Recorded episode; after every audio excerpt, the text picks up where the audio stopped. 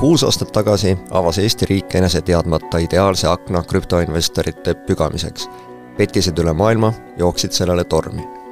Eesti ettevõtete abil rahastati Vene neonatside paramilitaarset liikumist Russiš. peteti tuhandeid inimesi, kes kaotasid oma säästud. see kahju ulatub kokku üle miljardi euro.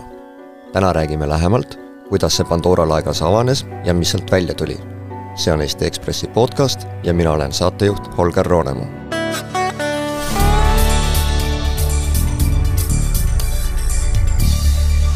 täna tervitan stuudios kolleegi Oliver Kundi.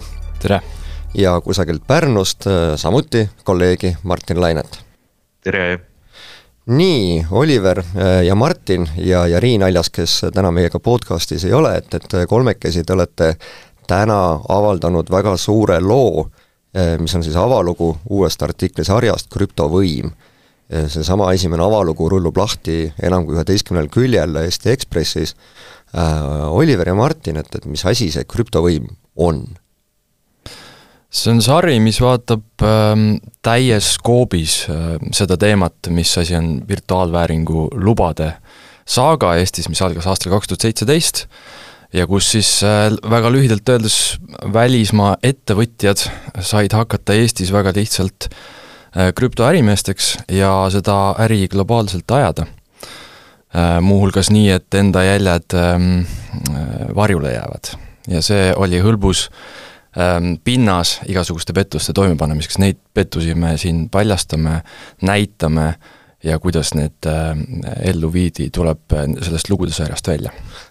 Martin, kogu selle sarja ettevalmistamine tegelikult algas meil juba eelmise aasta suvel, kas sa suudaksid kuidagi kokku võtta, et, et kuidas see tegelikult sündis ja, ja millel see Äh, millel see artikkel siis, siis põhineb?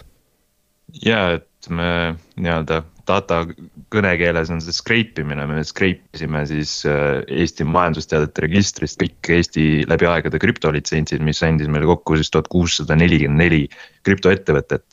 siis me istusime nende tuhande kuuesaja ettevõtte äh, Exceli tabelite ees ja siis üritasime kuidagi sotti saada, et kuidas me sellele nagu lähenema peaksime ja eks see oligi ilmselt meiesugusele väikesele tiimile väga-väga suur amps, et. et ilmselt jäi väga palju ka avastamata, et me jõudsime sisse vaadata ju tegelikult üsna väikesele protsendile neist kõigist. ja ometi avastasime me noh, kümneid ja kümneid äh, pettusi, mida võib-olla isegi ei jõua nagu ajalehe veergudel ära nagu kirjeldada, et kui palju sa ikka ühte ja sama juttu räägid, et inimesed panid raha sisse ja jäid ilma, inimesed panid raha sisse ja jäid ilma, et et äh, kui me räägime krüptovõim, et siis äh, krüpto taga on ju mõistagi raha ja rahal on alati palju võimu. et, äh, et see, sellest me saime üsna kiiresti aru, et see läbipaistvus ja kuidas öelda, et need omanikud, kes siin Eestis tegutsesid, et need on sellised kuidas öelda, kahtlase taustaga või neil puudub nagu selline avalik profiil tihti krüptoga seoses, et kui sa guugeldad, noh, ma ei tea, mingi Hiina nimi ja krüpto, siis ei tule temaga mitte midagi välja. et siin Eesti oli täis siis selliseid ettevõtteid, kus nagu omanik on keegi tundmatu, tihti variisik, tankist. et see sai üsna kiiresti selgeks, aga siis edasi kuidagi tuli jah hakata seal neid ettevõtteid filtreerima ja aru saama, et mis on oluline ja mis mitte ja noh, selleks andiski meile nagu. kuidas öelda, see, mis on juba kajastatud või need hoiatused, mis on juba tehtud ja see, mis on noh, see andis nagu veidi rohkem suuna kätte. ja täitsa omaette teema oli siis, kui me rääkisime, eks ole kahe rahapesu tõkestamise spetsialistiga, kes üritasid siis äh, karjääri teha selles valdkonnas ja õnnestus, õnnestus siis teada saada, et selles valdkonnas ei ole äh,, kuidas öelda, turgu äh, legitiimsel rahapesu tõkestajal, et turg on täis siis tankiste ehk suvalisi inimesi kuskilt tänavalt, kes siis justkui tõkestavad krüptofirmades rahapesu et see andis ka suuna kätte, et kuhu võiks nagu sisse vaadata. Nende tankistide juurde me, me kindlasti ka selle podcast'i jooksul veel jõuame äh, aga, aga Oliver, äh, nagu Martin ütles, et, et me koostasime sellise väga suure andmebaasi tuhande kuuesaja neljakümne neljast krüptofirmast, kes kunagi tahtsid ja said selle Eesti litsentsi. Äh, miks neil seda Eesti litsentsi üldse vaja on, miks, mis see annab neile? see Eesti ametnikele täiesti ootamatuna tulnud buum hakkas peale sellest, et äh, krüptoettevõtjad otsisid usutavust maailmas. ja nad leidsid selle Eestist, sest Eesti oli üks esimesi riike, kes sellist litsentsi väljastas, mille juurde võis kleepida siis sildi, et riik on sinu usaldusväärsust kontrollinud. ja noh, sealt tuli kaasa ka hulga boonuseid, muuhulgas see, et tegutsemisaadressiks sai panna Euroopa Liidu riigi, muuhulgas see, et ähm, sai siis ka teistes Euroopa Liidu riikides, kui sa oled Eestis juba loa saanud ja registreeritud, seal vabalt ilma täiendava kontrollita äh, siis tegutseda. Äh, ja neid boonuseid taga aeti ja ära kasutati, et äh, sellega oli võimalik äh, siis oma potentsiaalsetele klientidele maha müüa, et me oleme usutavad, me oleme paremad võib-olla kui need sajad või tuhanded teised konkurendid, kes ka teie raha tahavad ja mis seal salata, ega ohvrid läksidki selle õnge ja massiliselt, et kaotati summasid ikkagi äh, mõnedest tuhandetest kuni viiekümne või kaheksakümne tuhandeni äh, euroni siis, millest me oma lugudes näiteid toome et äh, see kõik algas kahe tuhande seitsmeteistkümnendal aastal tegelikult. ja kui me natukene meenutame, siis kaks tuhat seitseteist ja kaks tuhat kaheksateist olid täpselt need aastad, mil tegelikult alles Eestis Äh, meile kõigile jõudis kohale see meeletu rahapesu, mis läbi Eesti pankade käis. ja tegelikult täpselt samal ajal siis panid poliitikud, pani Riigikogu aluse või, või lõid võimaluse, äh, mis, mis tõid meid siis õige pea nii-öelda vol kahte, ehk siis klassikalisest pangandusest välja ja siiasamma uude, äh, uude krüpto, krüpto, krüptomaailma. kuidas see juhtus, kuidas saab võimalik olla, et, et täpselt samal ajal äh, Äh, me, me tegelikult oleme uppumas ühte skandaali, mis on raha, rahaga, rahapesuga seotud, ja siis me loome ideaalsed tingimused täpselt samadeks asjadeks ma ütleks, et see on Eesti sellise õhukese riigi tulem siiski. Äh, kui me seda asja rää-, uurisime, allikatega rääkisime, siis pilt, mis avanes, oli väga lihtne. samal ajal oli puhkenud suur Danske skandaal, see raputas kogu Euroopat, kogu maailma, Eestit, Eesti mainet, sellega tuli tegeleda äh, üksikutel rahandusministeeriumi ametnikel, kes samal ajal ka äh, lõid siis uut regulatsiooni virtuaalvääringu tegevuslubade jaoks. ja nagu ikka, kõigele piisavalt energiat, mõttejõudu, analüüsivõimet ilmselt ei jagu. Ähm,, riik on väga õhuke ja, ja sellist asja, et virtuaalvääringu lubadest kujuneb nüüd nii-öelda noh, mõnes mõttes Danske Vol kaks või võib kujuneda, ei suutnud keegi ette näha et ähm, tahtsime parimat, aga läks nii nagu alati, võib selle kohta öelda? jah, nad ütlevad, et, et kogu maailmas seda kompetentsi või arusaama toona ei olnud, riskihinnangud seda ei näidanud, et Singapurist, Hiinast ähm, Vietnamist, kus me seal, mida me kirjeldame, tuleks selline voog krüptoärimehi peale ähm,, see oli ootamatu ja milles Eesti riik kindlasti alt läks, oli see, et neid vigu seadusandluses parandati liiga aeglaselt ma nüüd igaks juhuks võtan natukene võib-olla hoo maha või, või, või viin selle podcast'i natukene teisele rajale, et äh, me kuulajad ja ka lugejad päris ära ei hirmutaks, et siis ma ütlen, et, et seesama tänane artikkel ja kõik need artiklid, mis me nii, nii kolmapäeval kui järgmiste päevade jooksul avaldame, et ta tegelikult äh, jookseb nagu päris selline nagu põnevik, et meil on väga värvikad tegelased, meil on varastatud ja petetud miljonid, meil on äh, täiesti nii-öelda välja mõeldud ident-, identiteetidega ärijuhid, keda, keda tegelikkuses äh, mitte kunagi eksisteerinud ei ole ja nii edasi. üks minu enda isiklikke lemmiknäiteid on äh, siis üks tegelikult täiesti tähelepandamatu või justkui tähelepandamatu Eesti krüptofirma, mis mõne aasta eest pandi internetis müüki alghinnaga sada kakskümmend viis tuhat dollarit ja mis selle eriliseks või tähelepanuväärseks tegi, oli siis see, et, et müügikuulutuse järgi sai ostja koos firmaga kaasa endale sellise, ma ei tea, veebi- või tarkvaralahenduse, kus ta saab siis käsitsi muuta seda rahanumbrit, mida tema kliendid oma arvutiekraanil näevad, et kui palju tema pandud investeering tegelikult siis raha toonud on. et keegi manuaalselt kuskil näitab ja kuvab sulle numbreid, tegelikult see on puhas, puhas äh, pettus no Martin Oliver, teie mõlemad, et te uurisite üksikasjalikult noh, kümneid ja kümneid selliseid ettevõtteid ja lugusid, et kokku kokku, kokku kakssada üheksakümmend üks erinevat ettevõtet, mis te läbi vaatasite koos, koos kolleegidega. millised teile kõige sellised meeldejäävamad või kogu selle probleemi jaburust kõige paremini illustreerivad äh, lood on äh,?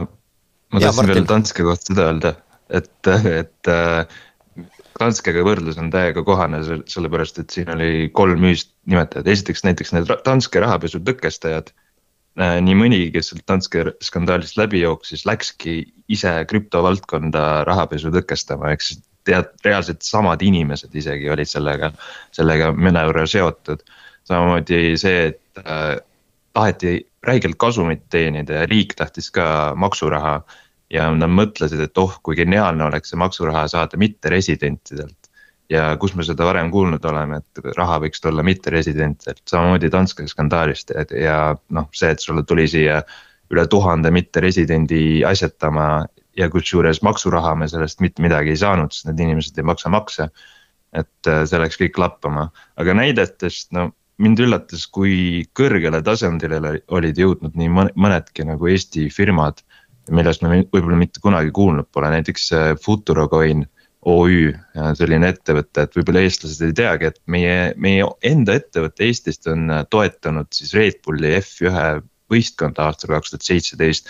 et kui Max Verstappen äh, siis üle finišijoone äh, tuli seal tol hooajal, siis tema käise peale oli kirjutatud Futurocoin, mis on tegelikult Eesti ettevõte aga häda oli selles, et see ettevõtte taga olid siis mingid Poola noh, elukutselised kelmid ja kusjuures see kelmi maine oli seal Poolas juba täiesti avalik selleks hetkeks, aga kedagi ei huvitanud ei meie regulaatoreid, ei Red Bulli F1 võistkonda, kes võttis lihtsalt endale sponsoriks sellise tegelase. ehk siis nagu see on näide, et kui kõrgele tasemele viiakse see nii-öelda whitewashing, et noh, samamoodi ju see Hashflare esines ju kuni vahistamiseni, noh, see, see oli siis Eesti krüptokaevandusettevõte, mis väidetavalt kuni kuussada miljonit varastas inimestelt, et. see ju andis igasugu ekspertintervjuusid maailma äh, siis krüptovaluuta foorum, äh, siis äh, suurimates portaalides noh, kui võtta maailmast näiteid, siis ju osteti, on ostetud Superbowli ajal reklaame ja kõike, kõik on ja need kõik on olnud Bonsi skeemid, et. et see lihtsalt see, kuidas öelda, mastaap üllatas mind, et kuhu mõnedki Eesti ettevõtted jõudnud on. Oliver? mind üllatas kõige rohkem see, kui võimetud on riiklikult üles seatud süsteemid selliste pettuste pidurdamisel.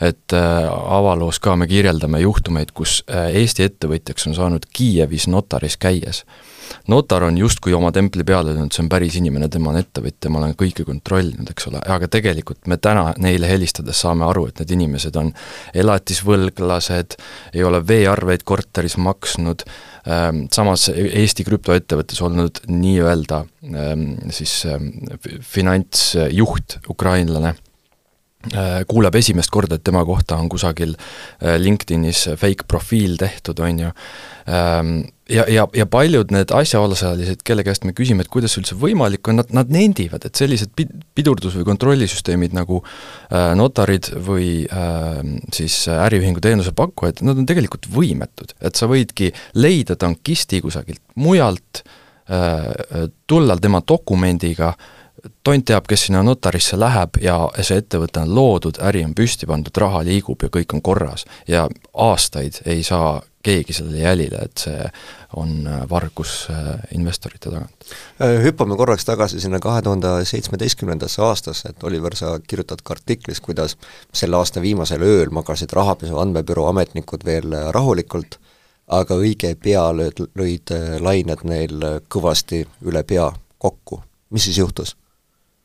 Juhtus see, et ähm, see buum lubade taotlemiseks läks täie hooga käima, et täiesti üllatuslikult Eesti ametnikele siis ähm, avanes see voog taotlusi ähm,, need riigid, top riigid, Venemaa, Ukraina, Hiina, Singapur ähm,, kohad, kust siis hakati Eesti ettevõtteid, krüptoettevõtteid äh, siis ostma, asutama. Äh, ja, ja seda kütsid tagant äh, nii Eesti kui ka välismaised äriühingu teenuse pakkujad, kes ütlesid, et Eesti on parim koht, siin on kõige lihtsam äri ajada, äh, piiranguid sama hästi kui pole, tulge kõik ja väga odavalt saab kätte. Ja, ja tagantjärele möönavad seda kõik, et see viis tuhat, kuus tuhat eurot, mis võib-olla tuli täis valmis tehtud keha eest maksta, kommiraha, Singapuris sa ei saaks mitte midagi sellist elus kätte sellise summa eest ja Eestis oli see võimalik ja kestis aastaid, enne kui riik sai aru, mida ta täpselt tegema peab, et sellele pidur panna.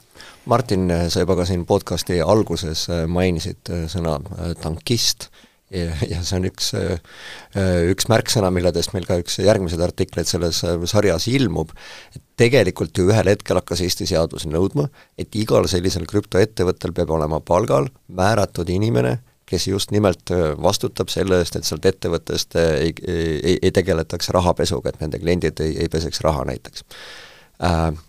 Kuidas see õnnestus? nojah, nagu ma rääkisin, siis meie nii-öelda selline uurimine, üks alguskoht oli see, kui me rääkisime päriselt nagu pangandusest tulnud rahapesu tõkestajatega, kes üritasid krüptoturule siseneda.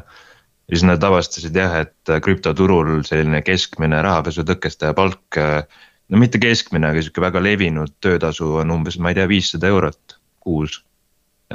mis no ilmselgelt ei ole finantsvaldkonna eksperdi kuupalk ja selgus, et selle raha eest siis on võimalik äh, saada endale sihuke roll, kus su nimi pannakse kuhugi Excelisse kirja. aga sa ise midagi nagu väga tegema ei pea. vahel võib-olla mõne, mõnele e-kirjale vastama või midagi siiski nagu ka vaatama.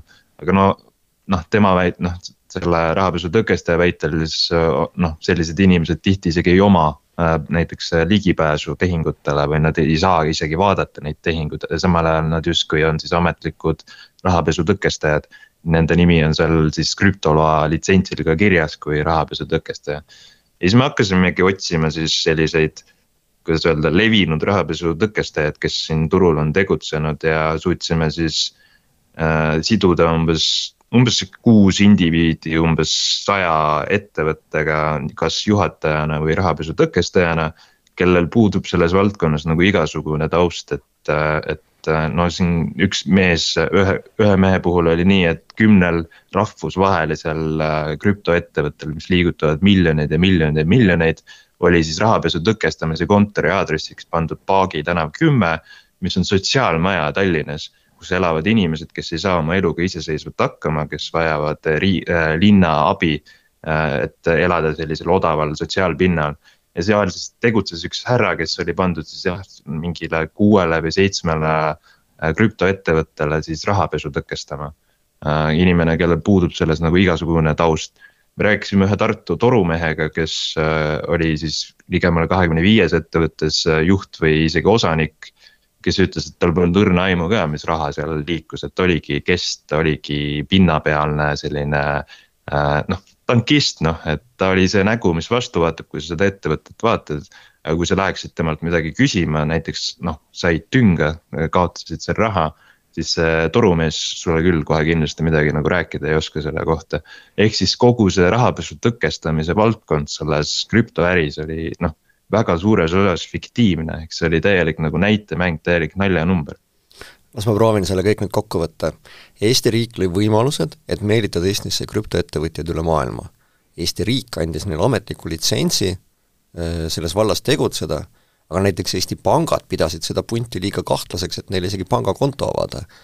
Äh, ja Eesti politsei ütleb petta saanutele, kes on Eesti ettevõtte käest petta saanud, et vabandust, me ei saa teid kuidagi aidata, sest tegelikult need firmad Eestist ei tööta.